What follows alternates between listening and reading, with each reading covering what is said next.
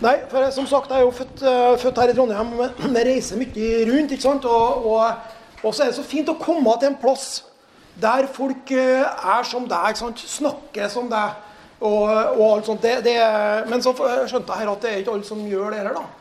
Jeg har allerede møtt en som skarrer på r-ene, og en østfolding og, og, sånne ting. Så det er litt, litt forskjellig. Men det skal, det skal, gå veldig bra.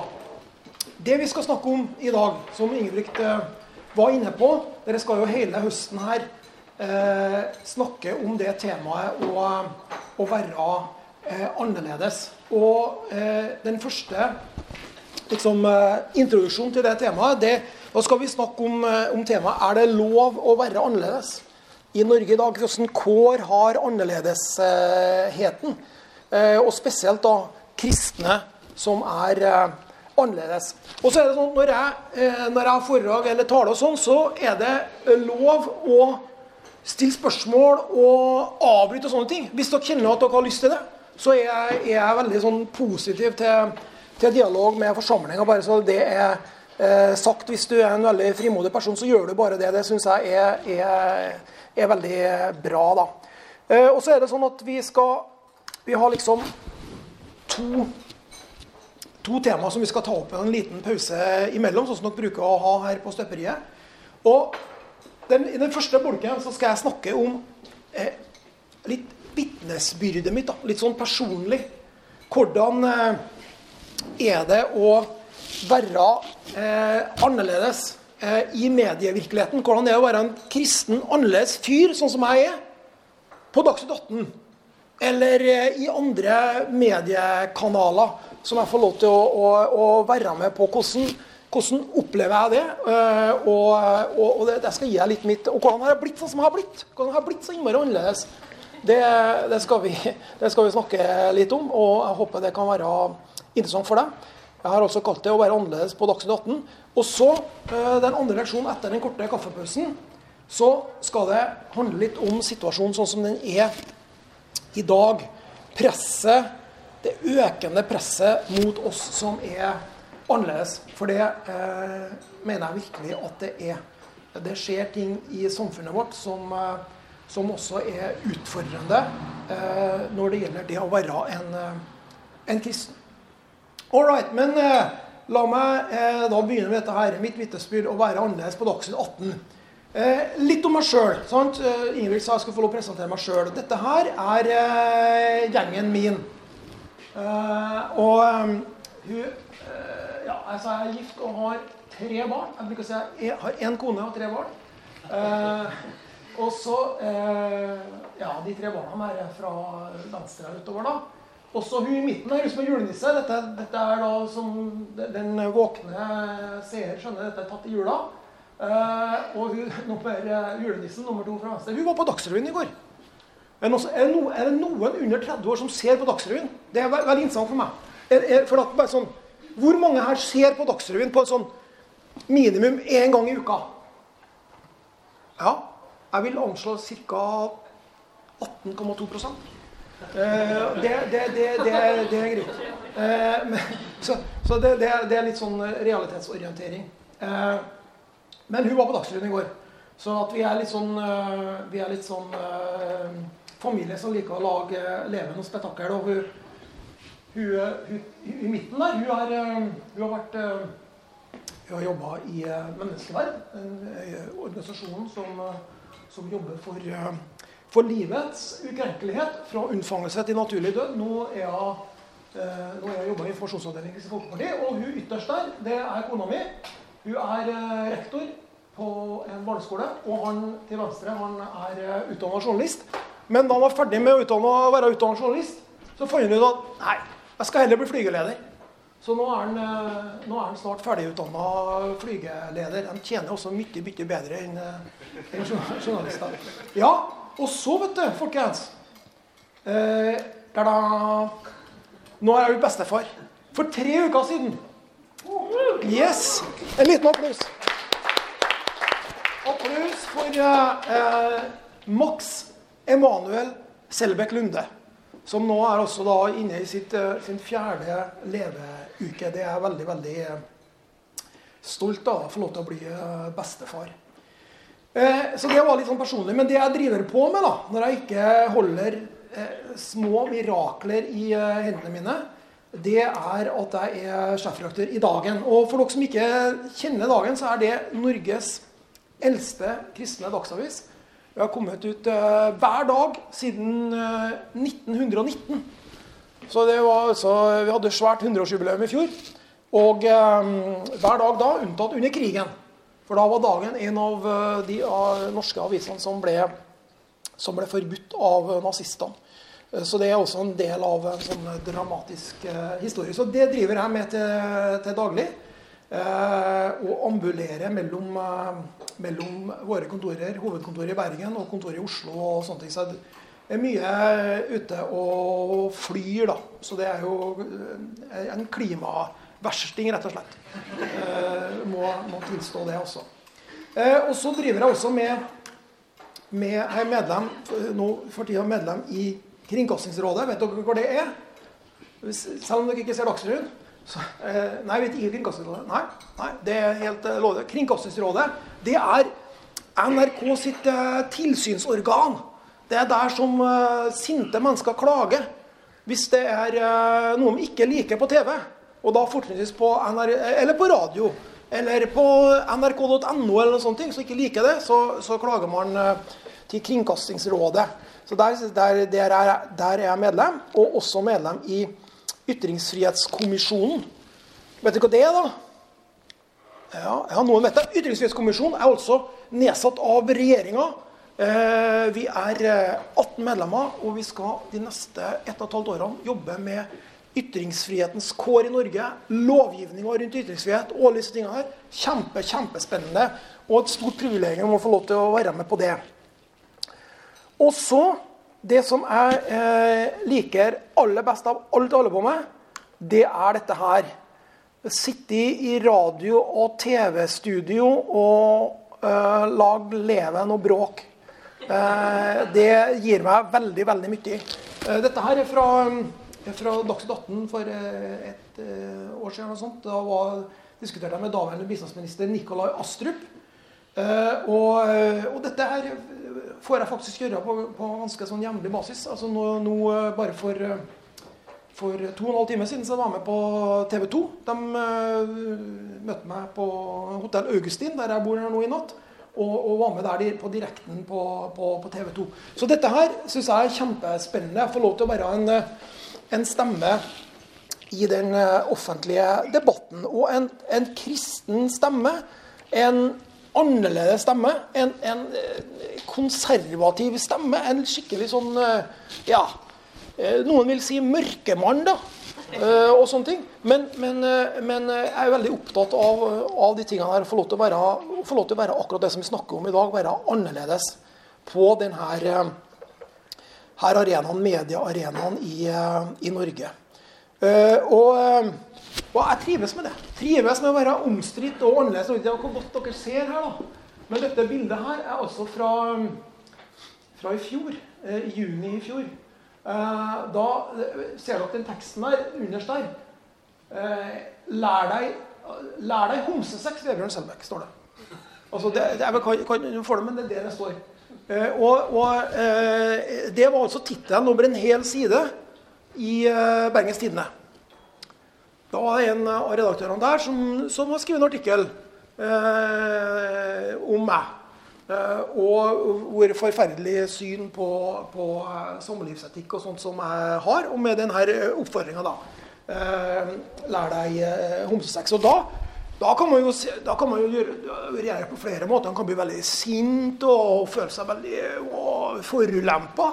Eller så kan man, eh, så kan man uh, klistre opp på, på kontordøra si og ta rare bilder og legge ut på sosiale medier. Jeg foreslår det, det, siste da, alternativet. Så, så, dette, så, jeg trives med det. I den virkeligheten. Trives med å være omstridt. Trives med å være annerledes. Og tenker mye på, på de, de spørsmålene. Hvordan, hvordan representere Eh, kristen tro inn i den virkeligheten som, som, vi, eh, som vi, har. Og eh, så kan man da spørre seg eh, man, eh, Er man født sånn, eller blitt sånn? Det, det er et godt spørsmål. Og, og, eh, og det, det, har jeg òg tenkt mye på. Og jeg skal ta deg litt med inn i dette her. Jeg skal ta deg med dit som jeg kommer fra. Det er ikke så langt herfra. Fra Meråker. Noen som har vært i Meråker? Stått på ski? Nei. Hva har dere gjort der, da? Kjørt Hva står du? Kjørt til Sverige. Ja, ikke sant? Vi kjører gjennom, kjører gjennom Meråker opp til Storlien. Det, det, er en uh, Det er klart, sånn kan det være. Men det er veldig, veldig fine skibakker der. Det er bedre enn Hva heter det her i Trondheim igjen? Ja, mye bedre enn Åsfjellet. Mye bedre enn Åsfjellet. Uh, men, men, men, der kommer jeg altså fra. En veldig lita bygd. Uh, da jeg bodde der, så var det 3000 innbyggere. Nå er det bare 2000. De har lagt ned hjørnesteinsbedriften Meråker smelteverk. Så det går litt dårlig der, rett og slett. Eh, og, og, så er det greit med sånne Google, Google Street View. vet du. Google Street View har kommet til Meråker. Derfor kan jeg faktisk vise fra Google Street View hvor, hvor jeg er oppvokst hen. Bokstavelig talt helt ute på jordet. Eh, rett og slett. Eh, det, der, kommer, eh, der kommer jeg fra. Og dette er barndomshjemmet mitt. da, Mora mi bor der fortsatt. og det her hjemmet her, det var et varmt kristent hjem. der og, og, og, som har gitt meg masse impulser. Både impulser når det gjelder altså impulser egentlig når det gjelder alt som jeg er interessert i i dag. De impulsene fikk jeg med meg fra, fra barndomshjemmet. Altså selvfølgelig troa. Troa på Jesus. Eh, det fikk jeg med der. Interessen for, eh, for historie. Veldig interessert i historie. Har studert historie. Eh, og eh, det er ikke så rart at jeg ble interessert i historie, fordi at historie det, det er norsk og europeisk etterkrigshistorie som er grunnen for at jeg står her i dag. Fordi at mora mi, hun som fortsatt bor oppe i huset der, hun er født i et land i Europa som ikke lenger fins. Eh, forslag? Hvilket land i Europa er det som ikke lenger fins? Riktig! Ten points. Øst-Tyskland, eller DDR, Deutsche Demokratische Republikk. Eh, nedlagt eh, i 1990. Ett år etter at muren falt året, året før. da. Der er mora mi født. Og der, derfra flykta hun eh, som ei lita jente sammen med, sammen med mora si over fra Øst-Tyskland til Vest-Tyskland, da fortsatt Europa var delt pga. den kalde krigen. Og, og, og, og, kom seg altså til, til slutt via Vest-Tyskland til, til, til, Norge. En dramatisk flyktninghistorie. Men klart at da må man være interessert i historie. Når, man, når, når, historien direkte påvirker ens eget liv Jeg er oppvokst med disse historiene, oppvokst eh, med, med, med fortellingene om, om, det andre Europa som lå bak jernteppet. Om undertrykkelse, om eh, hvordan eh, ytringsfrihet ble, ble undertrykt. Hvordan man ikke fikk lov å si det man mente. Min bestefar bodde fortsatt Eh, bak jernteppet og, besøkte Øst-Tyskland flere ganger på, på 70- og 80-tallet. Klart man blir interessert i historie. Så det har gitt meg ting som jeg er interessert i i dag. Eh, politikk. Faren min eh, var eh, historiens første og eneste kommunestyrerepresentant for Kristelig Folkeparti eh, i Meråker. Og Dette her var også kommunevalget i 1979. Den gangen så hadde man sånn felleslister. altså Hvis et parti var veldig lite, kunne, og to partier var små, så kunne man slå seg sammen. Og så eh, kunne man da samle sammen stemmene og kanskje få et mandat. da. Så faren min, 1979, på en fellesliste mellom Kristelig Folkeparti og Høyre, altså de to partiene sammen klarte å skrape sammen akkurat nok til én kommunestyrerepresentant. Uh, og det var faren min. Og det, var, det, var, det skjedde én gang, da. Men vi var, vi var uh, hjem der politikk var i, var i, uh, i sentrum Vi snakka mye om politikk og samfunn. Og et, et, et kjempelevende hjem på den måten. Og også interessen for media har jeg også med fra barndomshjemmet. Jeg, eh, jeg så eh, Dagsrevyen også da, før jeg var, var 30 år. Eh, faktisk fra jeg var en liten gutt, så satt jeg sammen med barna mine og så på, på Dagsrevyen. Lytta til debatter Lærte meg hvordan folk argumenterte. Syntes det så spennende ut. Og dypest sett så tror jeg at det egentlig var, var, Gud som var med og la dette, disse interessene ned i meg. Og at det hadde en, en dypere mening med ting som jeg skulle gjøre senere i livet. Og Det tror jeg er spennende også for dere som er, er, er unge og lurer på, på, dette her med kall og sånne ting. Så tror jeg ofte at man, man, eh, at man tenker litt sånn litt for eh, dramatisk om det med kall. Behøver ikke være sånn som det står om i Jesajas bok kapittel 6. Når Jesaja får kallet sitt, at han ser Gud sitte på en høy og opphøyd trone, og det er engler, og det er basuner og det er sånn. Det behøver ikke være sånn. Det kan være, kan være mye det kan være mye mer på en stillere måte òg. At ting som du er interessert i, ting som du får med deg, impulser som du får med deg, Kanskje det er Gud som er med og, og gir deg de impulsene. Er med og legger det ned i deg. Det er i hvert fall, fall vitnesbyrdet fra, fra, mitt liv, da. Eh, men jeg var annerledes oppe i Meråker. Oi, oi, oi, oi. Eh, alt med meg var på en måte galt. Jeg var, jeg var, eh, jeg var kristen, og ikke bare ikke bare ikke bare kristen, men jeg var, var frikirkelig kristen. Eh, foreldrene mine, da. I en i ei bygd der det nesten ikke fantes kristne. Sant? Så var man, var man kristne, var, men, men tilhørte ikke engang Den norske kirke. Statskirka den gangen. Nei, frikirkelig. Det var, det var veldig, veldig, veldig annerledes. Dette er bilder av skolen min, da, som jeg har uh, gått på Meråker skole. 1 til 9 den gangen. Uh, så det var frikirkelig kristen. Eller det var kristen der ingen var kristen. Det var frikirkelig der alle tilhørte statskirken. Jeg, var, jeg hadde foreldre som var akademikere. Begge to var lærere. I ei bygd der det eneste akseptable det var smelteverksarbeider. Så det var, det var, det var ærlig, hardt uh, arbeid med gnister og greier og røyk og sånne ting.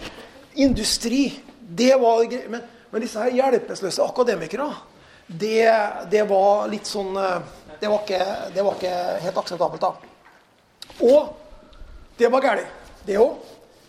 Og så var det selvfølgelig galt og annerledes på dette her at jeg hadde altså en, en KrF-pappa, og ikke bare at han var medlem, han var, han var i kommunestyret òg. Så det var liksom det, det, det gikk ikke an å legge skjul på det. da, sant? Eh, eh, eh, KrF-pappa i ei bygd der, må holde deg fast Arbeiderpartiet har altså hatt rent flertall i nesten 100 år. Sånn? Men altså, det har vært Arbeiderpartiordfører i Meråker i 100 år. Og nå er siste valg Eller ikke siste kommunevalg som var i fjor, men, men i 2015. Så var det for første gang på over 100 år så ble jeg en ordfører fra ei bygdeliste. Og i, og i stedet for da Man avløste 100 år med Arbeiderpartistyre. Sant? Og ikke bare det, at Arbeiderpartiet hadde rent flertall, men det største opposisjon, det var jo ikke interessant med en opposisjon når det var rent flertall, men det fantes noen andre partier òg. Og det var, det var eh, SV og, og, eh, og, og Senterpartiet. Altså det, det, var, det, var, det var, og som jeg sier, Høyre hadde jo nesten, eh, hadde jo nesten ingen oppslutning heller. Så det var, det var Meråker er en av de rødeste eh, kommunene i Norge politisk sett. Mens da pappaen min han, han var fra KrF. da. Så det var, det var annerledes. Alt var annerledes. Eh, og, og, det tror jeg også var en sånn derre eh, Litt sånn dypere mening for meg da, i livet mitt og i utviklinga for meg personlig. da. Fordi at eh, jeg har lært mye av det. Eh, jeg har lært å, at det er, det er ikke farlig å stå alene. Altså, du, du, du, du dør ikke av det. Har, så når jeg er i debatter i dag og, og, og står for upopulære ting, for det gjør jeg på, på en del områder, står i et veldig en mindretallsposisjon, så er ikke det så kjempestressende for meg. For jeg husker hvordan det var i skolegården i Meråker. Det var mer stressende det enn det å sitte i Dagsnytt 18-studio og være mindretall. Mye tøffere i skolegården i Meråker. Jeg har lært å stå opp for mine meninger. Eh, å stå for dem, selv om det kunne være upopulært. Som jeg sier, jeg lærte å tåle, jeg tåle, jeg lærte å, tåle å være mindretall uten å bli stressa av det. Og så lærte jeg noe som er veldig, veldig viktig. Eh, jeg har lært å utfordre min egen eh, komfortsone. Eh, fordi at det er en, en hendelse jeg aldri, jeg aldri glemmer, som jeg tror var med og, og, forma meg på det området her. Og det var når jeg begynte å når jeg ble tenåring, og, og, sånn, så fikk jeg et veldig et, et, radikalt møte med, med kristen tro.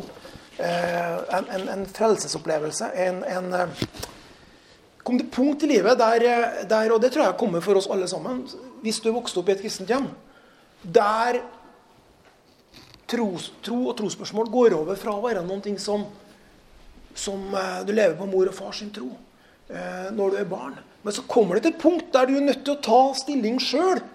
Er dette her bare en, er dette mamma og pappa sin tro? Eller, eller er det noe som jeg må ta et, et aktivt standpunkt til sjøl? Og for meg kom det eh, punktet da i, eh, i konfirmasjonstida. Eh, frikirkelig konfirmert i Det norske misjonsforbund.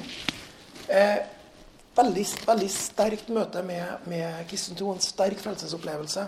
Og og så ble jeg utfordra. Og det kommer ikke jeg til å glemme. For at når, når jeg hadde tatt dette, dette standpunktet eh, som, som 13-14-åring i konfirmasjonstida, så var det en, eh, en av ungdomslederne i, eh, i En av konfirmasjonslederne som ga meg en kjempetøff utfordring. Altså. I, I, hvert fall i Meråker-sammenheng var dette en tøff utfordring. Han sa at skal være tøff. Og så tar du Når du går på skolen nå på mandag, så tar du og fester på deg en sånn Jesus-pinn. Det står to stykker fikk jeg. Det sto det eh, 'Jesus lever', og den andre var 'Jesus elsker deg'. Et eller annet sånt. Ja. Så tar du på deg pinnen eh, når du går på skolen.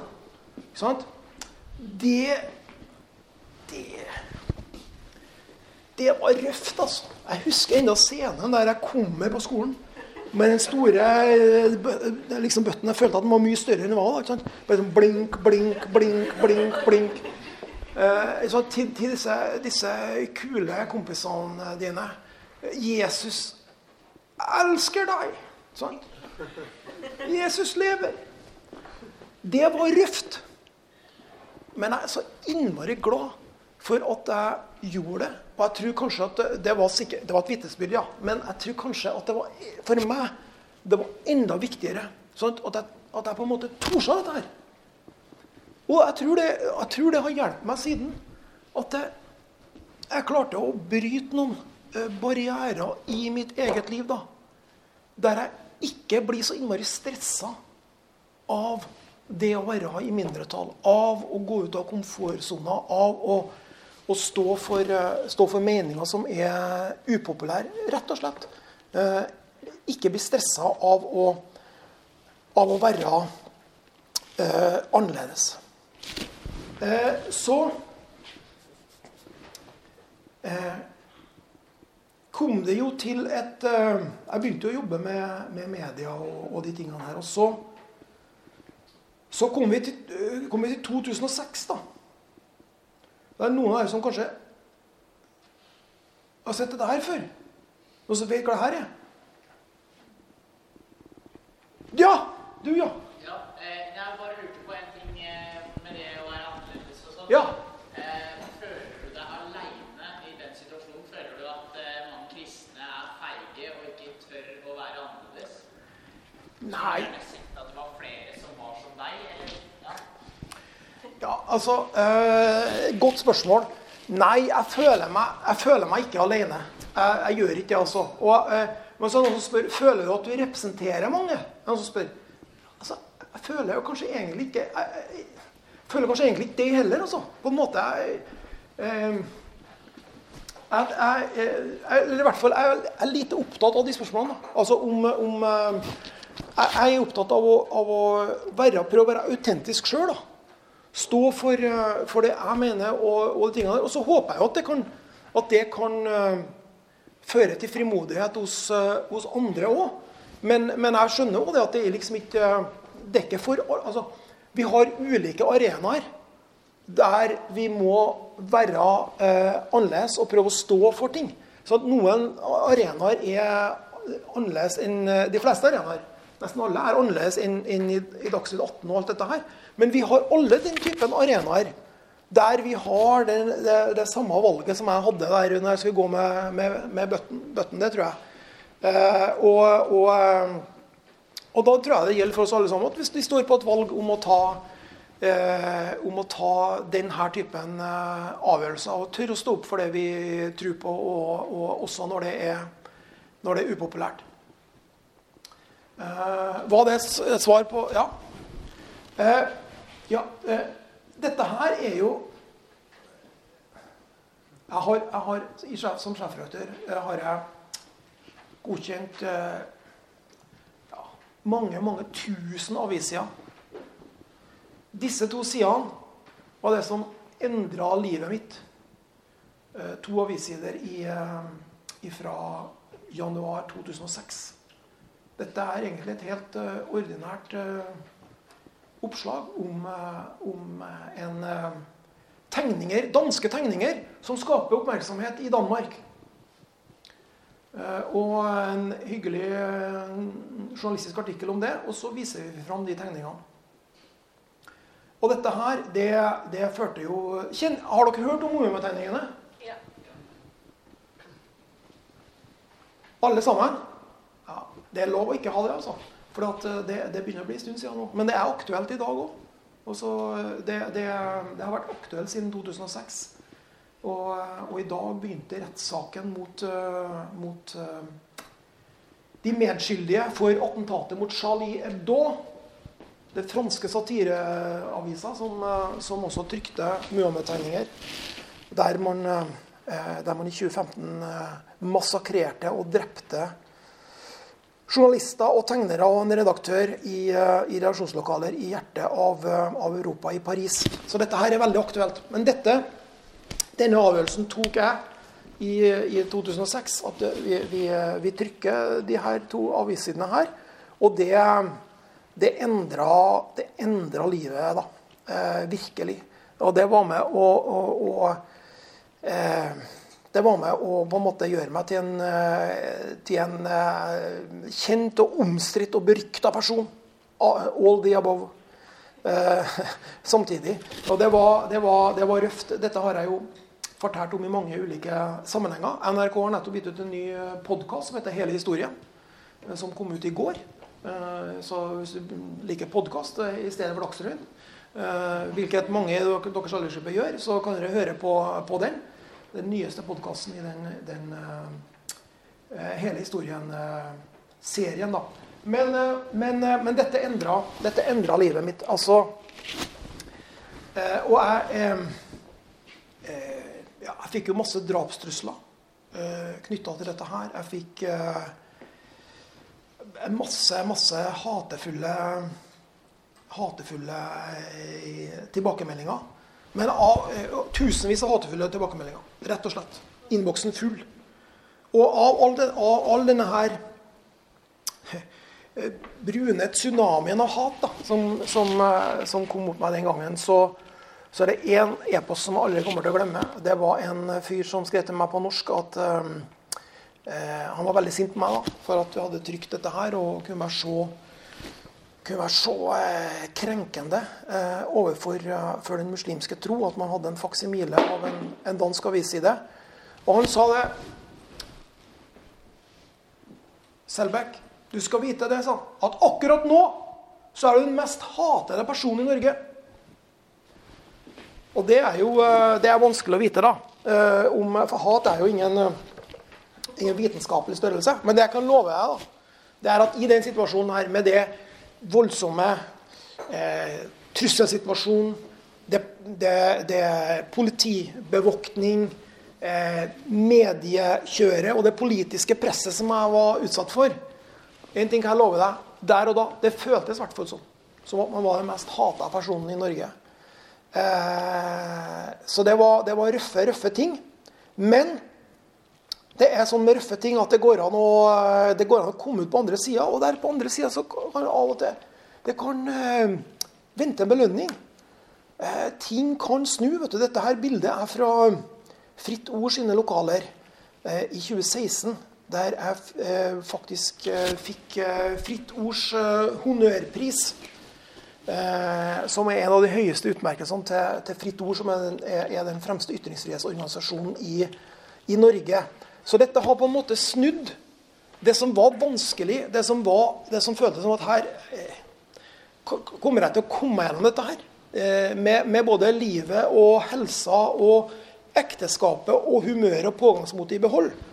Det var ingen selvfølge. Men jeg er veldig glad for at jeg gjorde det. Eh, og ut på andre sida så, så, har det også skapt, eh, det har skapt muligheter.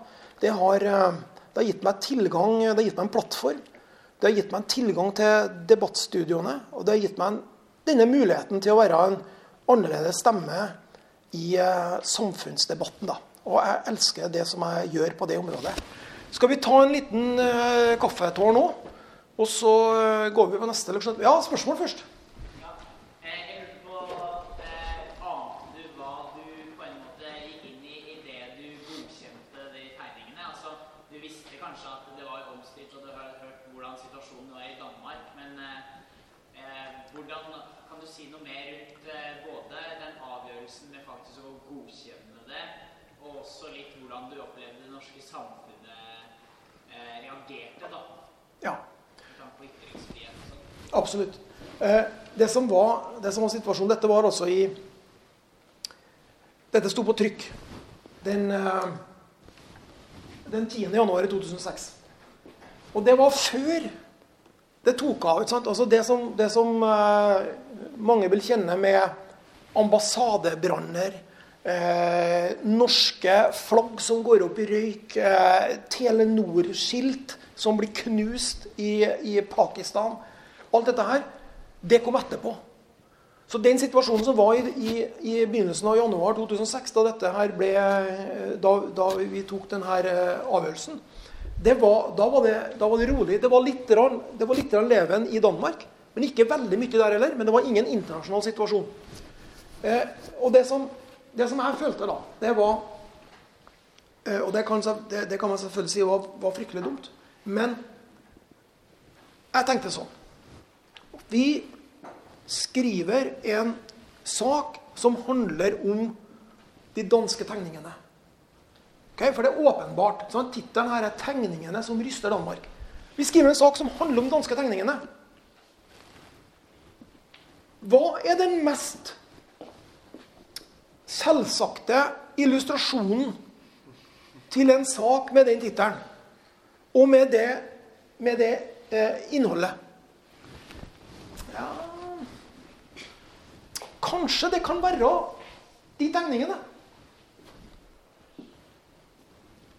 Men Og det er sånn altså, Når man tok den avgjørelsen altså Det er sånn at når man tar Jeg håper ikke jeg røper noe yrkeshemmelighet nå, men, men det er sånn at mange ganger når man tar eh, redaksjonelle avgjørelser, så er de ikke bestandig veldig gjennomtenkt. Altså. Det er ikke sånn at man har, man har grunna masse på det. det. det. tas ofte på sekunder. ikke sant? Og så etterpå må man forsvare det man har gjort. Men sånn var det ikke med denne avgjørelsen her. Den brukte vi, vi utsatte faktisk publiseringa for, for, å tenke over følgende spørsmål.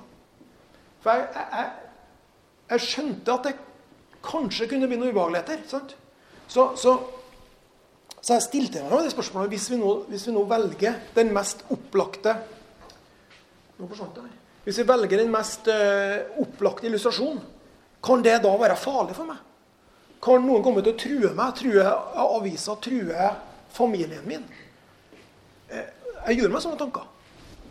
Uh, men det som da til slutt gjorde at det likevel falt ned på å, på å, å, å velge de tegningene som illustrasjon, det var nettopp dette her at Hva gjør jeg nå hvis jeg velger å ikke bruke den mest opplagte illustrasjonen? Hva har jeg da gjort?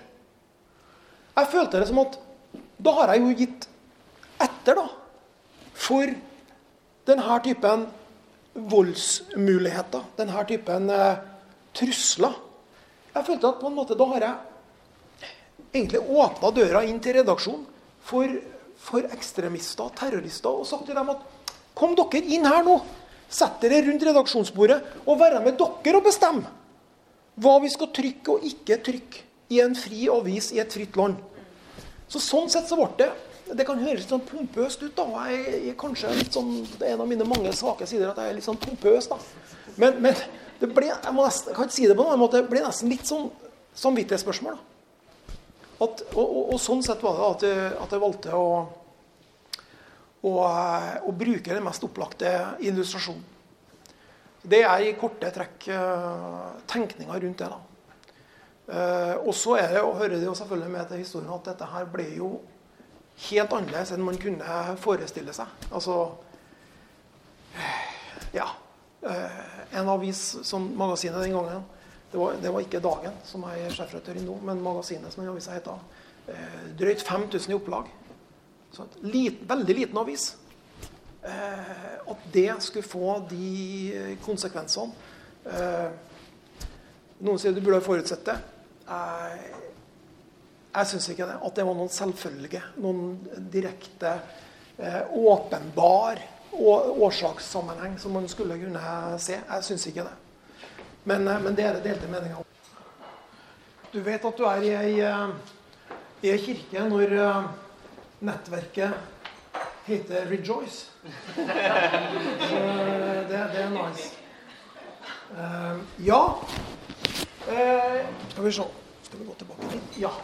Nei, det er veldig som sagt, veldig trivelig å være her. Veldig trivelig å ta til en ung forsamling. Uh, og Derfor, jeg, derfor, derfor hiver jeg litt spørsmål nå, for at eh, ikke bare dere skal lære, men jeg skal lære litt jeg òg, av dere. Eh, mange, mange, ting jeg lurer på. så nå skal vi snakke litt om situasjonen i dag. Presset mot oss som er annerledes. og vi lever i en ganske spesiell tid, da. og om dere kjenner igjen det bildet her, det, det, er fra London. Det er altså ja, en, Kanskje den personen som er personlig, mener er Europas, eh, en av Europas viktigste personer i det forrige århundret. Nemlig Winston Churchill. Eh, og som jeg sa, jeg er jo historisk interessert og har lest masse om Winston Churchill. Og den måten han eh, ja, eh, tok over et Storbritannia våren 1940 som var i fullstendig politisk oppløsning. Der eh, Det tredje riket, Tyskland, med Det må jeg få lov til å si, selv om det er røft. Med min bestefar, Martin Kroll, som offiser i Wehrmacht. Han var med på dette her.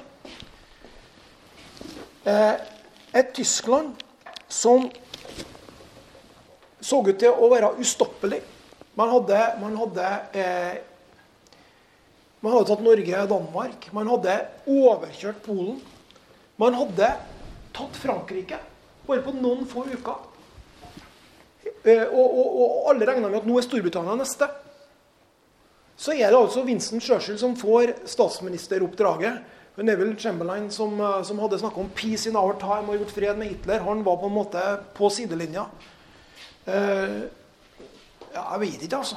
Jeg, hva som skjer. altså. Ja, du jobber jo litt mer, så, så snakker jeg litt mer om Churchill. Ja. Uh, sånn. Og så sto, sto, han der opp og, og talte på en måte som, som eh, nesten noen på endra krigen. Så Snakka håp og tro inn igjen i det britiske folk. Eh, han, sto nesten alene opp mot nazismen. Eh, en kjempeviktig person. Så ser den der nå i 2020 på en, eh, en åpen plass i London. Der statuen hans må beskyttes. Fordi at briter eh, tenker å rive, rive den ned. Fordi at de mener Churchill Ja, det er greit at han, eh, at han fridde oss fra nazismen. Han var en rasist, sier han. Og dette er bare én av veldig mange statuer eh, som, som, har eh, blitt trua de, eh, denne, denne, våren og, og sommeren. Kristoffer Columbus han har blitt halshogd i flere land. jeg tenker at jeg tenker på en statuegran. Her i Trondheim skal de få litt utfordring, da. Vi skal ta han, uh, Ola Tryggvason. Han, han, han, var helt sikkert uh, han var helt sikkert slaveeier. Det må vi tro at han hadde noen treller og greier, for det hadde de alle sammen den gangen. Men fordelen her i Trondheim da, det er jo det at den står litt høyt. da. Så det er litt sånn, litt sånn utfordrende å få rive ned en Olav. Så, så, det er en sånn lokal fordel som dere, som dere har her. da. Men dette her er Eh, eh, dette er en svært interessant og, og etter min mening bekymringsfull eh, trend. At vi får et stadig hardere eh, samfunnsklima eh, der statuer faller. Der historien og samtiden skal vurderes etter progressive 2020-holdninger. Alt annet er uakseptabelt enn det. Hvis Samme på hvilket tidspunkt du var i historien. Hvis du ikke hadde progressive 2020-holdninger på 1700-tallet og på 1800-tallet og når det måtte være, så er det helt uakseptabelt. Da var du en dårlig person. Dette her, etter min mening, er, er ganske, en ganske type totalitær tenkning. Og vi ser hvordan Vi lærer, må lære oss nye ord i tida her. Så engelske ord som kommer til Norge, og som noen er litt, sånn, noen er litt vanskelig oversettbar. Eh, no platforming. Eh, det har kanskje eh, funnet et norsk ord. da, Scenenekt. Det, det, det, kan vi forstå. Cancel culture. Er det noen som har god oversettelse på det? Nei. Det er vanskelig. Cancel culture. Vi skal komme inn på hva det, hva det er. da. Og så snakkes det om, om, om, safe zones. Det er kanskje dere kjenner til, for det er mange her fra universitetsmiljøet. Mange som går på universitetsskoler. Si ja hvis du gjør det. Noen, noen som går på universitetene. og. I USA så har man sånne safe zones på universitetene. Der er det viktig at du skal ha plasser der du føler deg trygg. Der du ikke møter på noen andre som har noen andre meninger enn det du har. Ganske sånn eh, Det har ikke kommet så voldsomt i Norge ennå, men, eh, men, hvem vet, det er på vei, eh, kan være på vei hit òg. Og hun dama her kjenner ikke sant? JK Rollings. Eh, Harry Potters eh, mamma.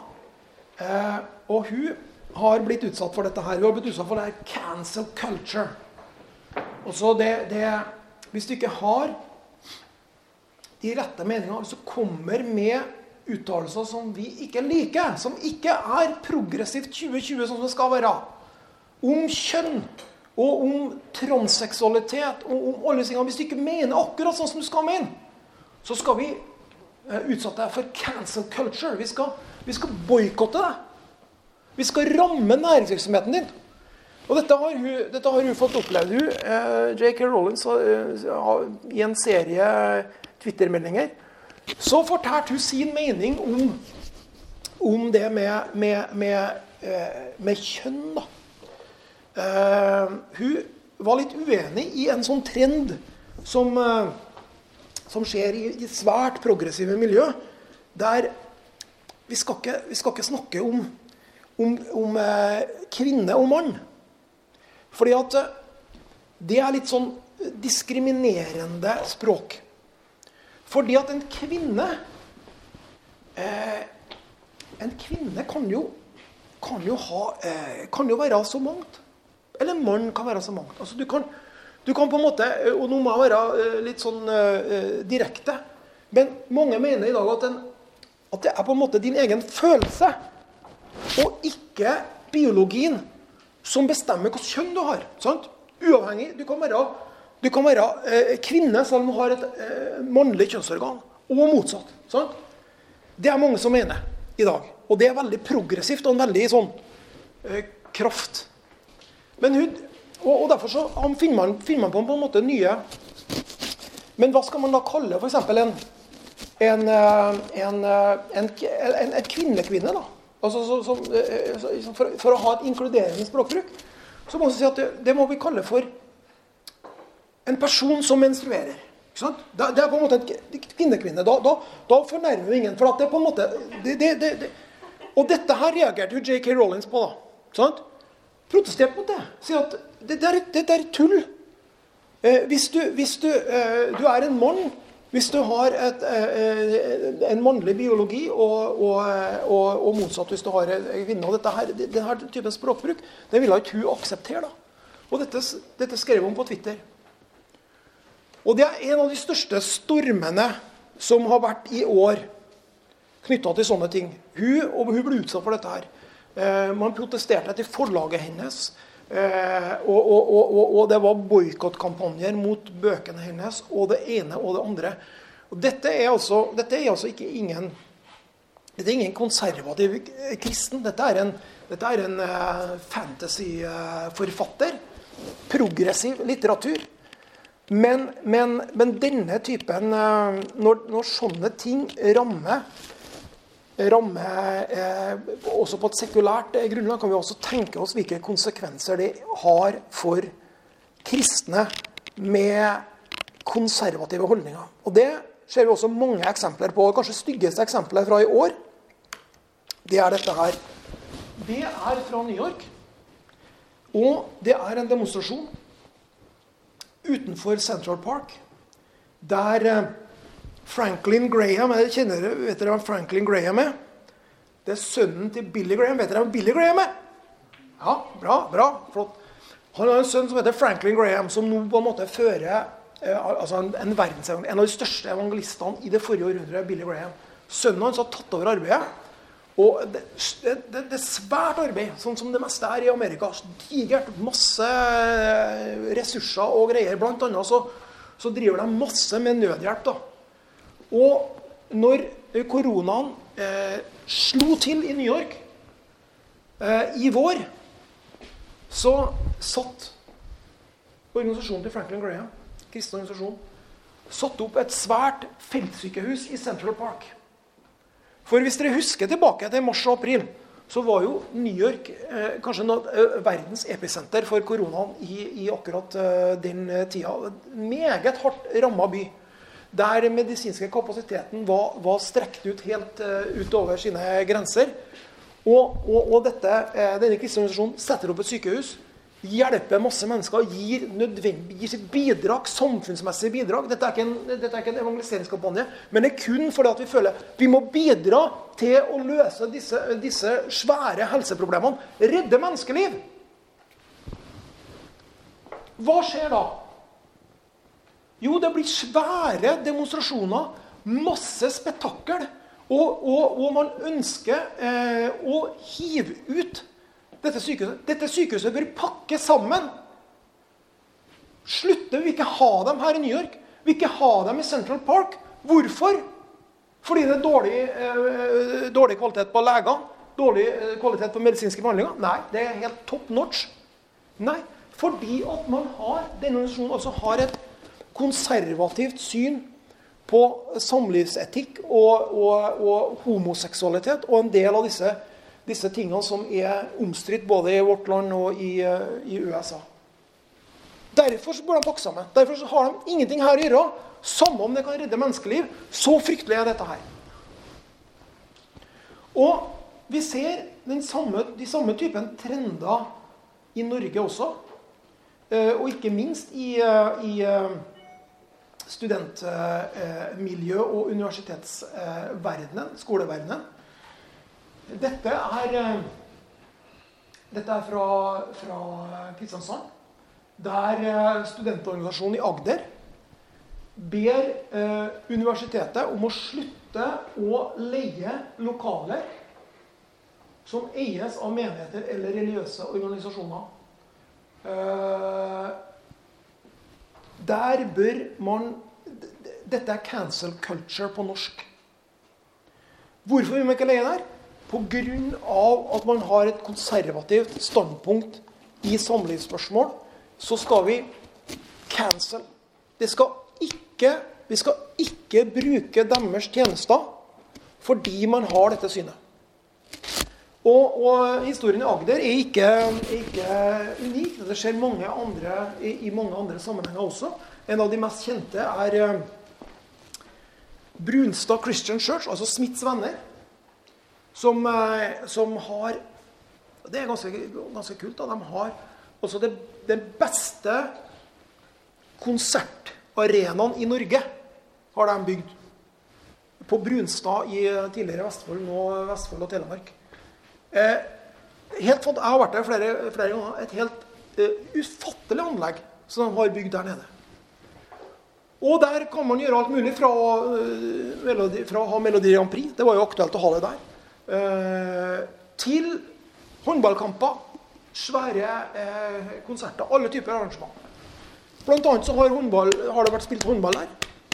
Men Håndballforbundet, så dere husker den saken fra i fjor, mente at vi kan ikke leie her.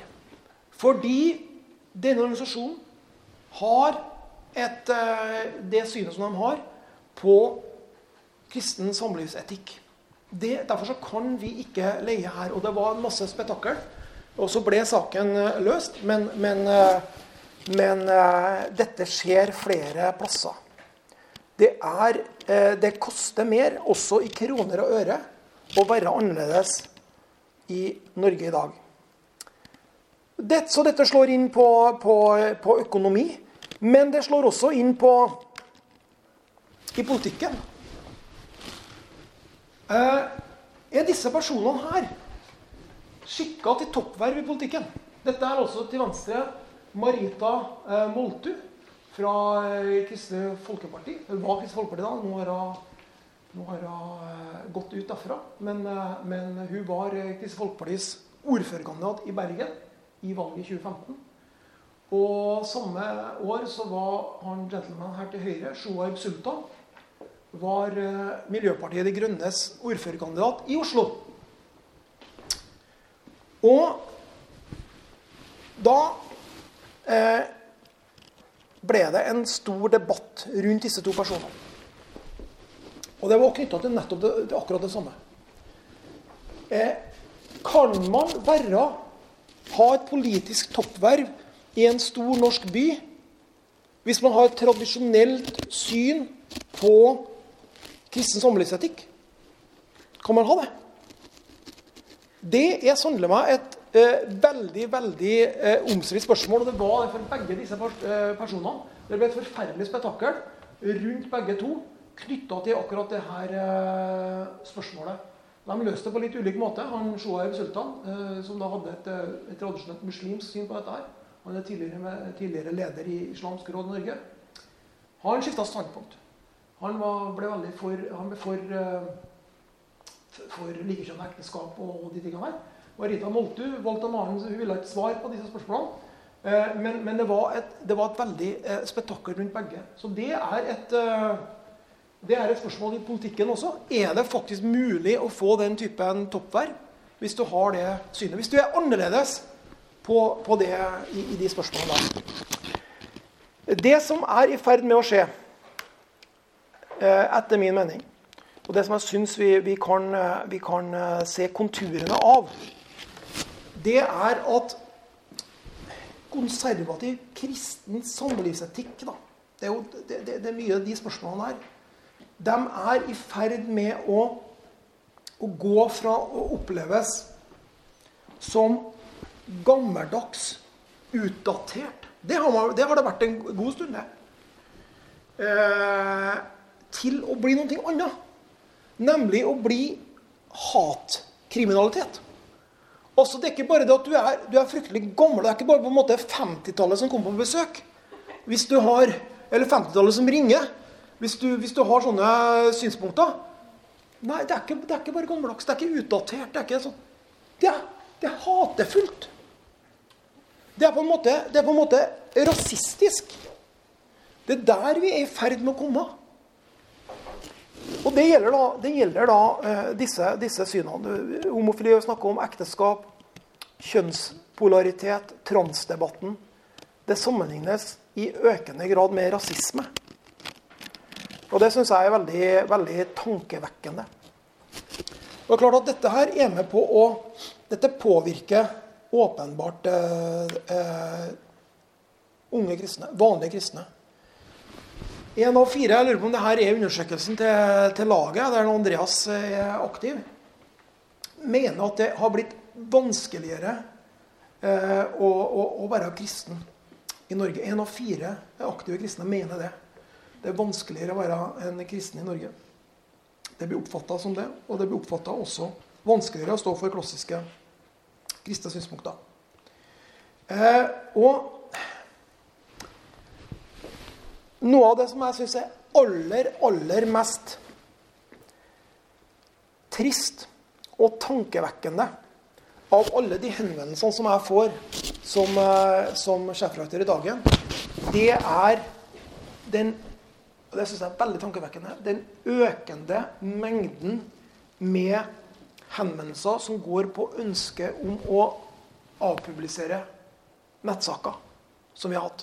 Altså det er folk som ringer, sender e-post og sier at kan du ikke være så snill å avpublisere saken her. Og Det bruker bare at de har sagt noen ting eh, at de har sagt noen ting um, oppsiktsvekkende eller omstridt om de temaene her eller om ting annet. Det behøver ikke være det. Det kan være rett og slett som at de er på en måte eh, intervjua på en kristen festival eller i en menighetssammenheng. Så oppdager de noen år lenger ned i, i livet sitt at denne arbeidsgiveren her, han, han googler meg. Og så, og så, får jeg spørsmål på, på, eh, på intervju om sånne ting. Eh, eller, eller, jeg merker at, at dette er omstridt. Merker at folk, arbeidsgiver, tenker at altså, sånn der, eh, kristen og sånn her og eh, Kommer han til å bli med på Lønningspilsen. Eller, eller, eller, kommer eller, hvordan kommer dette her til å bli? Det er en usikkerhet, det skaper en usikkerhet hos arbeidsgivere. Dette er et, dette, er veldig, dette synes jeg er et veldig, veldig alvorlig spørsmål. Som går på, helt i dypet på en del eh, viktige spørsmål i samfunnet vårt. Nemlig både ytringsfrihet og religionsfrihet. Du skal ha lov til å tro. Du skal ha lov til å mene, og du skal ha lov til å ytre deg uten at det skal få konsekvenser for karrieren din. Det er kjempeviktig. Kjempeviktig. Og dette er, er også en av, en av, tingene som vi skal jobbe med i, i Ytringsfrihetskommisjonen, offentlig oppnevnte, som jeg nevnte for dere. Eh, dette berører meg virkelig dypt. For, for, meg på en måte så er det Ja, vær så god. Kjør på. Du sa du satt i Kringkastingsrådet. Ja. Så tenk på hovedstrømsmedia sin rolle der. Hvis du har en eh, samfunnsfremtredende posisjon som blir besatt av en homofil, så vil du bli hylla i media. Men hvis du har en kristenkonservativ, så vil du bli mot i media. Da. Ja. Hva slags rolle er det egentlig media har i sånne ting, eller er det bestemmer de det sjøl? Du mener hvilken rolle de har til å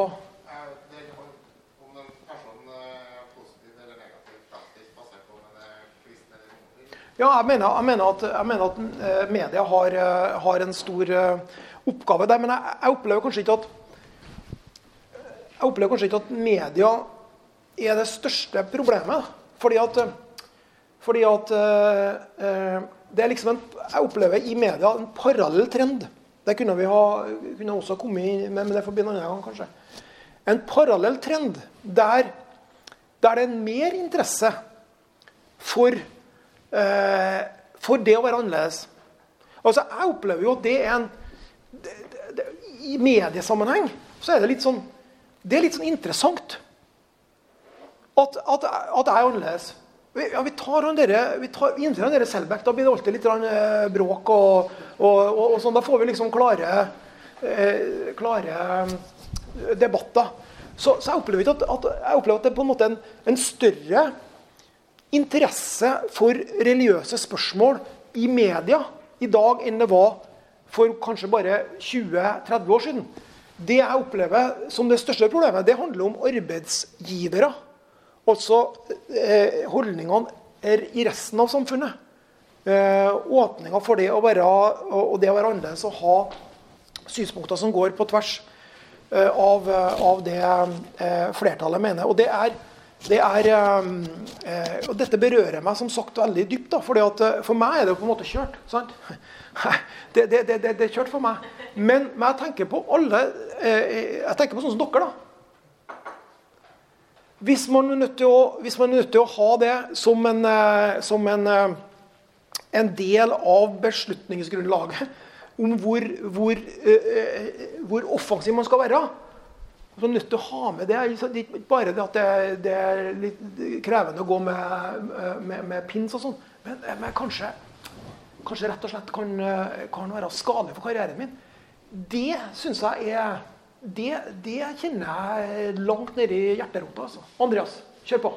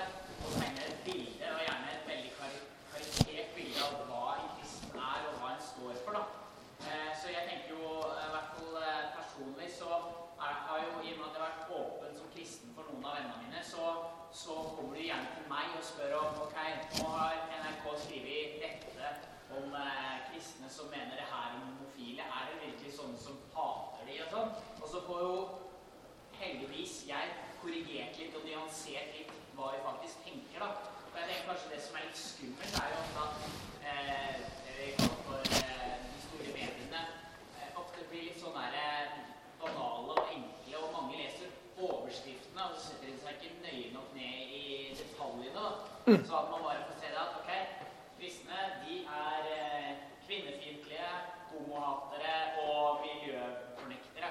Altså Så har man liksom tegna ja. satt folk i bås der, da. Ja, da. Så jeg tenker jo kanskje at det henger litt sammen med at vi som kristne er litt redde for å ta på oss eh, kristennavnet og sjøl få den muligheten i møte med mennesker vi lever blant, da, og definere faktisk hva en kristen er. Mm. Altså Det er ikke bare hun der eh, frisørdama som eh, går med Eller som nekter folk å klippe, eller eh, hun nyhetsankere som har på seg kors. Altså, vi er flere, men samfunnet trenger små eh, vitnesbyrd rundt omkring i alle samfunnslag, tror jeg, for at, eh, for at de arbeidsgiverne skal få et litt mer nyansert bilde av hva det vil faktisk si å være kristen. Da.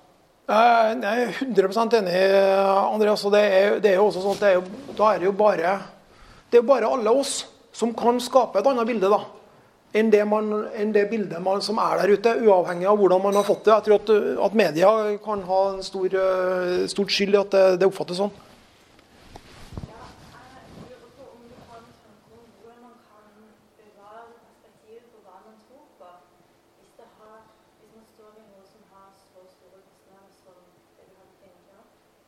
Ja, jeg har det. Og, og, eh, og, og jeg, har, jeg har, to Jeg kommer inn på det på de to siste slidene. Har det? Fordi at Hva skal vi gjøre? Hvordan skal vi reagere på dette? Hvordan skal vi reagere på akkurat at situasjonen er som den er? At det er det økende presset, og at eh, situasjonen er, er litt, eh, litt krevende. Eh, jeg tror det er to ting. Første vi skal, vi skal bruke våre demokratiske rettigheter, for det har vi. Og, og det har vi som kristne òg. Og det er, det, det er et sånt bibelsk eh, forbilde på å bruke sine demokratiske rettigheter, eller bruke sine borgerrettigheter som kristen. som jeg finner når jeg leser i Apostelens gjerninger 22, der Paulus blir Det er oppløp i Jerusalem, eh, og Paulus blir arrestert av en romerske, romerske offiser. Og så blir han eh, sånn helt rutinemessig Vi, vi, har, vi har arrestert ham. Her er oppløp. Vi har tatt den ut. Vi må piske. Så, pisken. Klart vi må piske den. Eh, og da sier Paulus Det står i, i gjerninger 22 at han bruker rettighetene sine som romersk borger. For Han spør han, du, har du virkelig rett til å piske en romersk borger? For det hadde man ikke. hadde man ikke. Den romerske hæren hadde ikke bare uten lov og dom øh, lov. Han var, han var, romer, Paulus, og brukte den rettigheten for det det var verdt. Og det skal vi gjøre òg. Vi skal bruke våre demokratiske rettigheter. Og vi bør være de første til å kjempe også politisk Eh, eh, mot denne innskrenkinga av ytringsfriheten og religionsfriheten som jeg mener eh, dette dypest sett innebærer. For det er viktig for, for, for ytringsfrihet òg. For ytringsfrihet og religionsfrihet hører sammen. Og folkens, våre meninger er de første som blir sensurert hvis ytringsrommet innskrenkes. Det er realitetene. Og så anbefaler jeg å være frimodig. Tør å stå for noe. Jeg tror at det dypest sett er med å skape respekt. da. Og så ha de meningene som du har, med et menneskelig ansikt. Hva menes med det? Altså, det prøver jeg på når jeg er ute her. Altså, prøv, å, prøv å ha disse prøv å være, ha disse mørkemannmeningene med en eh, eh ikke-mørkemannstil. Så kan man si sånn. Altså, altså eh, vis, vis, respekt for alle mennesker. Være en, en, en grei person. Behandle folk ordentlig. Vennlig.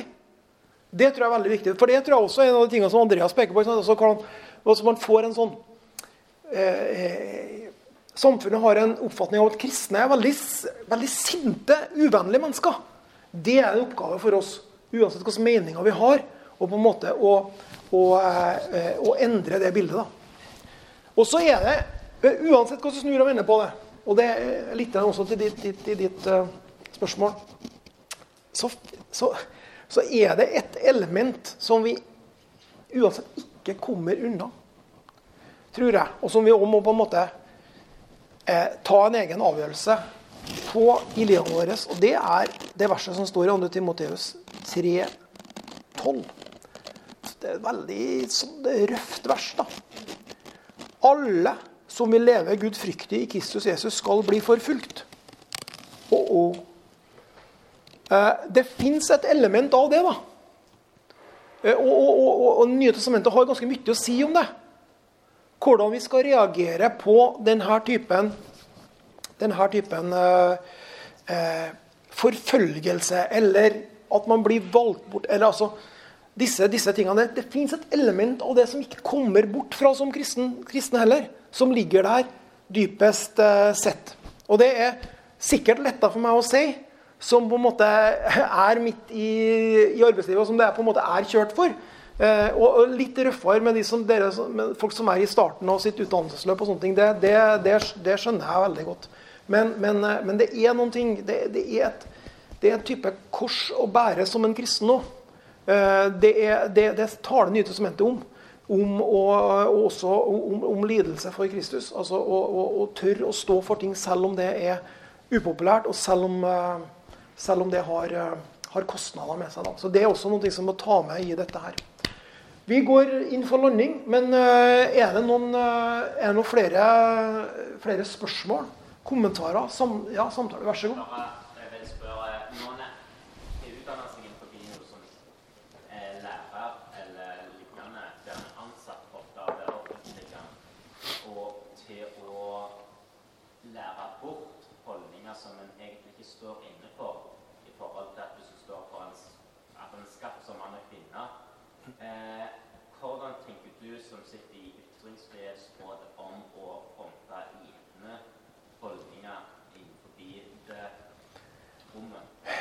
Ja, altså det, det, det, er et veldig godt spørsmål og et, og et, og et viktig spørsmål. Og, og det, har, det har øh, tenkt en del på.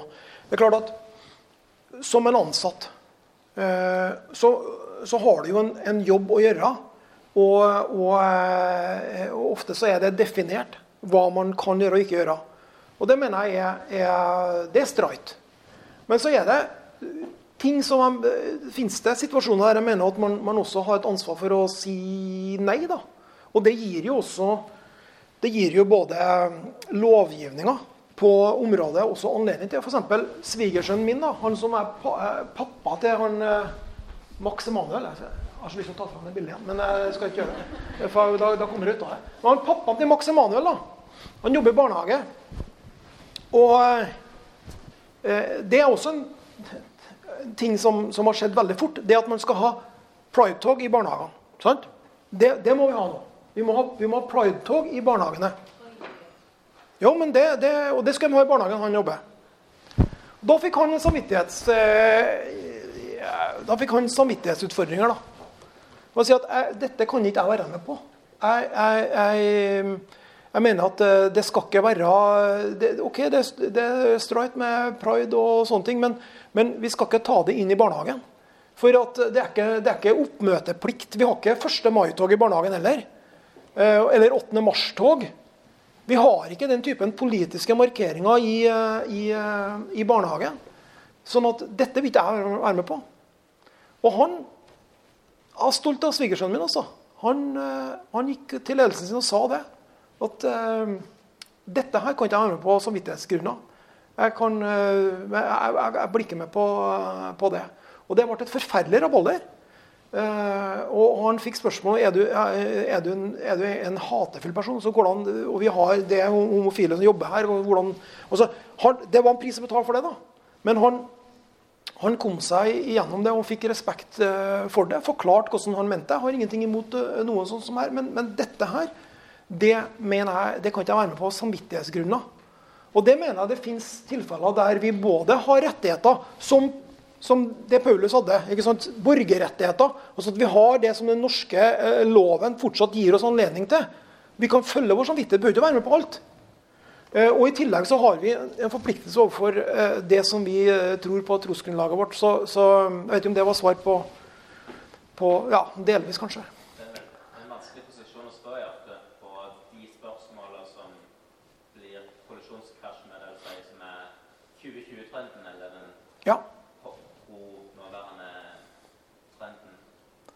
Åpenbart. åpenbart. Og det har, jeg, det har jeg veldig stor respekt for. Ja? Jeg har spørsmål som går litt på dette med å ha et menneske i ansiktet. Ja. Eh, det er jo en del folk som eh, føler de er et annet kjønn enn de er. Ja. Og jeg syns det er litt vanskelig å forholde meg til dem. For hvis jeg kaller dem med det kjønnet de, eh, de mener sjøl de er, så mm. anerkjenner jeg på en måte at kjønn ikke er biologi. Det er ikke kaller med det kjønnet de vil kalles, da, ja, da får de kanskje dårlig inntrykk, sånn at de ikke kan vise, vise at kristne ikke er eh, mm. fordømmende. Ja, ja det, det, er et, det, er et, stort dilemma. Det, sånn det der, er, det der, er, det der er, det der er veldig, veldig vanskelig. Men jeg har jo tro på det, da.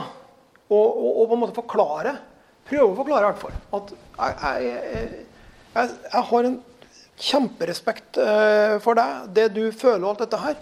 Men dette er dette er på en måte en, en, eh, Det har med, med, med, dype, også trosmessige eh, ting for meg. Jeg, jeg, har, jeg, tror vi av og til må gjøre det. altså. Og, og, og, og, da har det jo veldig mye med hvordan man legger det fram. Om, om, man gjør det på en, på en ordentlig måte, men, eh, og ikke på en sånn kald og, dømmende måte. Jeg tror på at det går an. altså.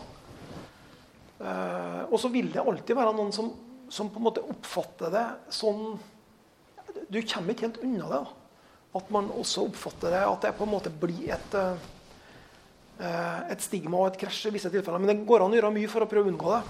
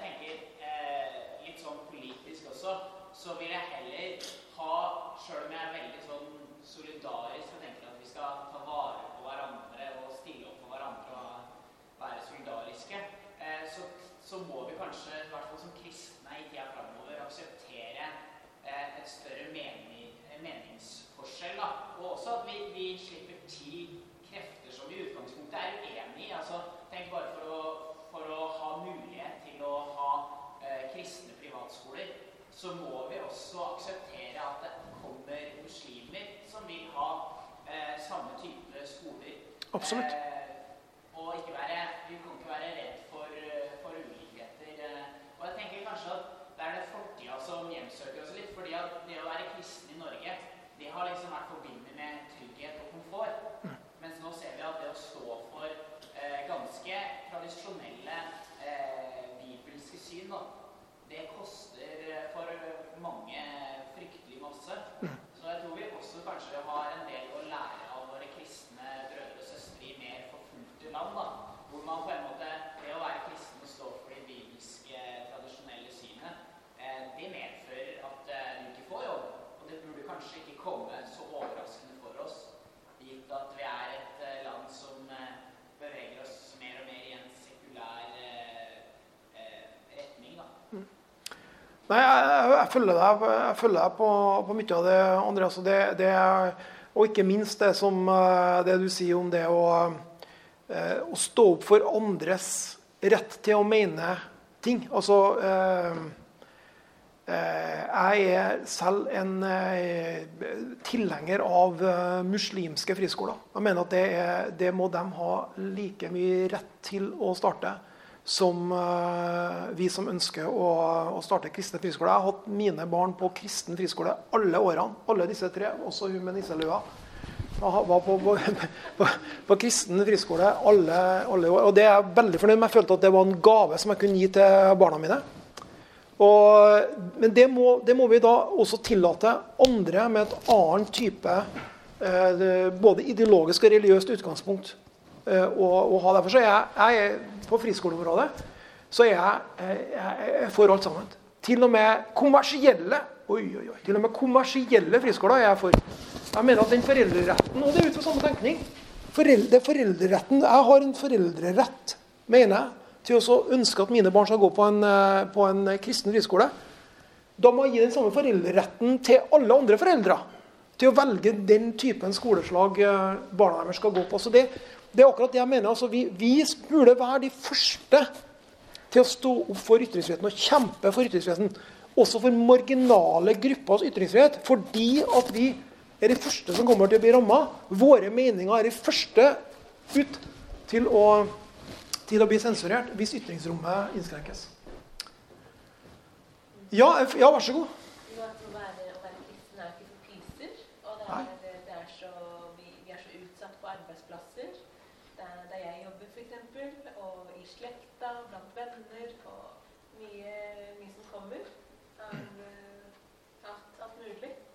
da, derfor så lurer jeg på om du, om du og vi kan be litt for akkurat det.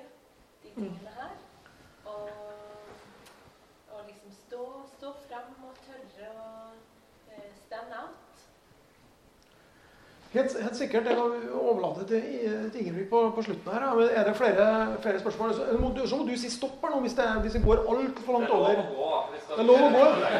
Det er lov å gå, ja. Nei, men du sier at eh, bare med er de første som vi Ja. ja.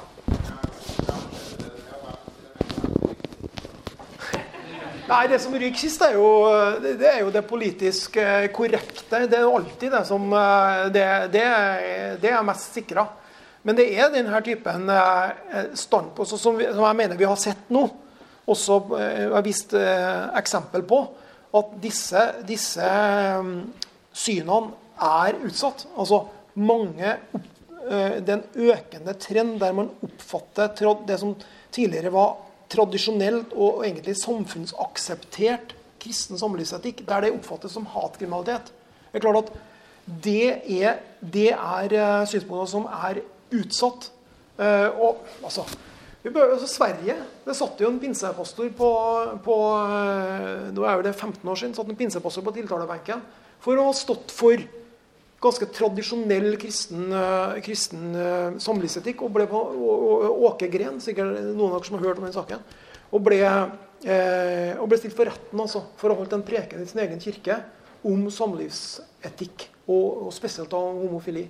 Han ble til slutt frikjent av, høyesteretten etter, av svensk høyesterett etter å ha vært dømt på lavere rettsnivå. Så, så jeg mener at det, det, er absolutt grunnlag for å, for å hevde det. altså. Lurer på, og eh, Du har hatt en gang før. Kanskje du først, da? Ja, og det tror jeg på en måte at en eh, takler bedre meningsforskjeller før. Ja, om en takla bedre meningsforskjeller før, jeg, jeg vet ikke. altså. Det, det, det er jo litt sånn blanda bilde, det òg, da. For, eh, for jeg er klart at uh, hvis, du går, hvis, du går, langt tilbake, så var jo en sånn samling var jo forbudt. Som vi har nå.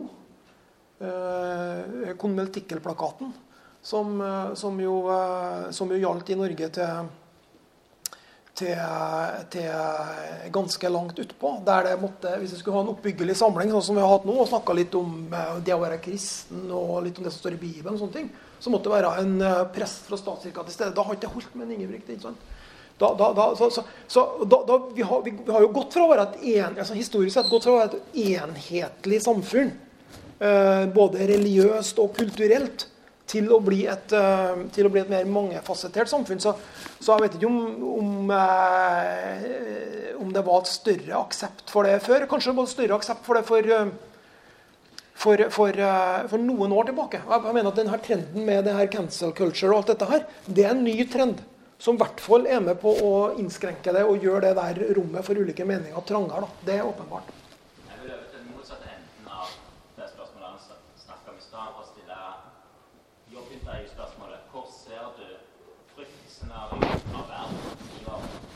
Oi. Uff da. Oi, oi, oi. Ja, det, det, var, det, var, det, var, det spørsmålet har jeg aldri fått før.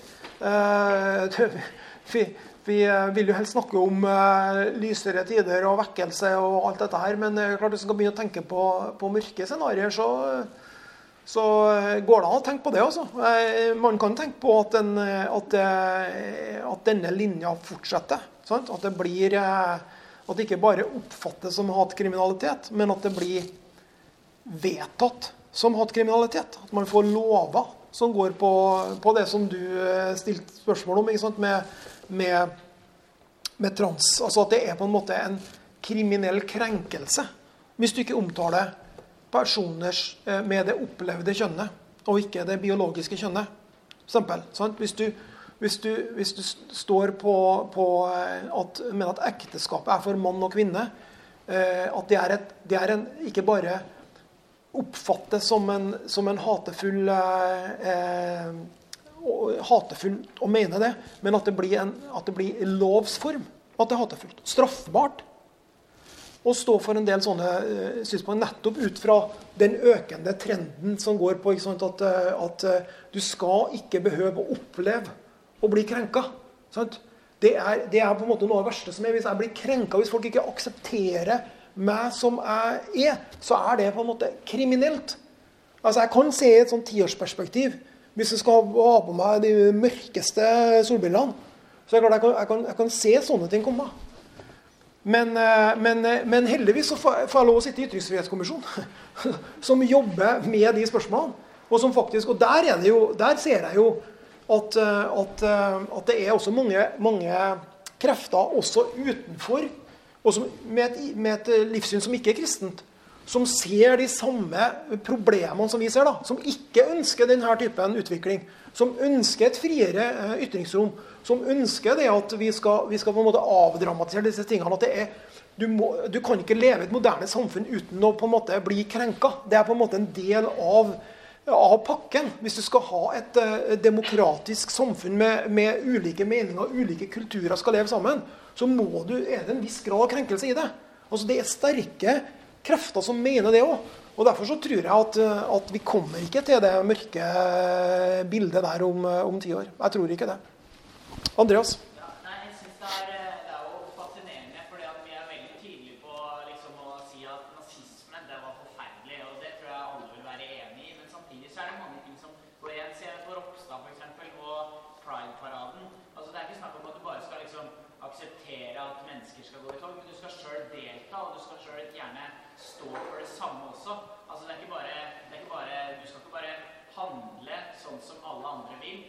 skal også mene det. Du tar på en måte kontroll over eh, Folk prøver å ta kontroll over din egen tanke og mening. Og det er jo paradoksalt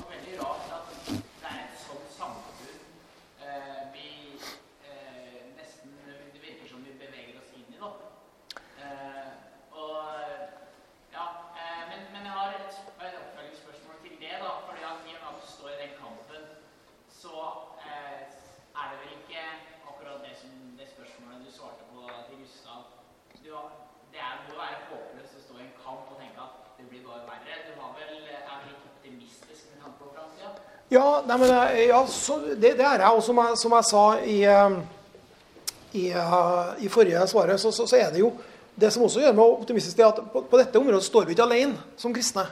Det er faktisk, det er faktisk også eh, mange andre mennesker uten vårt livssyn som mener akkurat det samme, og som ser de samme farene i dette her, som jo du adresserer. Sånn At det er noe, ligger egentlig noe totalitært i det.